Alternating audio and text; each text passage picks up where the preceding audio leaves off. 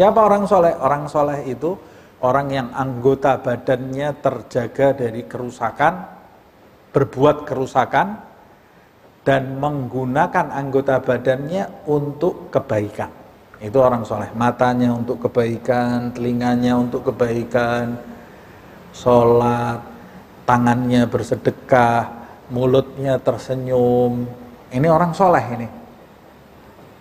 Orang sekarang anggapannya orang soleh ini, oh, oh. kemudian nangis, selesai. Oh, ini orang soleh ini. Belum tentu. Loh, saya tidak mengajarkan suudon ya. Ini ini penilaian ini untuk diri kita sendiri ini. Sayyidina Umar bin Al-Khattab sahabat-sahabatnya datang ke Sayyidina Umar dia bilang, "Wahai Amirul Mukminin, di dalam masjid ada orang soleh."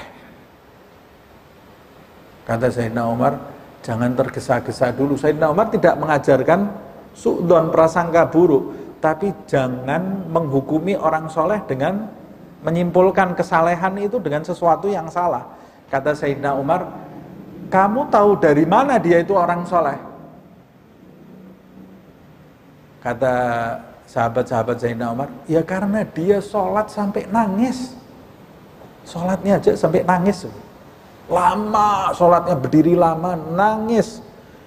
Ngajinya juga, uh, luar biasa, meliuk-liuk, hebat ngajinya.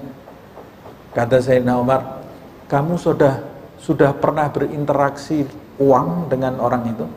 Belum. Sudah pernah jual beli atau belum? Belum. Sudah pernah pergi jauh lama? Belum. Kalau gitu jangan cepat-cepat sebut dia orang soleh. Orang itu kalau sudah uang, tapi aslinya kelihatan ini ya. Sholatnya bisa nangis, tapi kalau depannya ada uang, wah sifat aslinya langsung kelihatan. Atau kita pergi bareng lama berhari-hari gitu ya, di dalam grup kita itu, dia pergi bareng bersama kita. Orang itu kalau mau berpura-pura tabiat eh, berpura-pura itu tidak kuat satu hari satu malam tidak tahan dia. Nanti pasti sifat aslinya akan muncul. Jadi jangan hukumi diri kita soleh kalau di dalam masjid ini. Saya di dalam masjid, alhamdulillah saya orang soleh. Masya Allah. Kalau mau tahu soleh atau tidak, pas di jalan nanti. Ada gangguan, kamu bersikap seperti apa? Nah itu terbukti kamu soleh atau belum belum soleh, sudah teruji. Ya.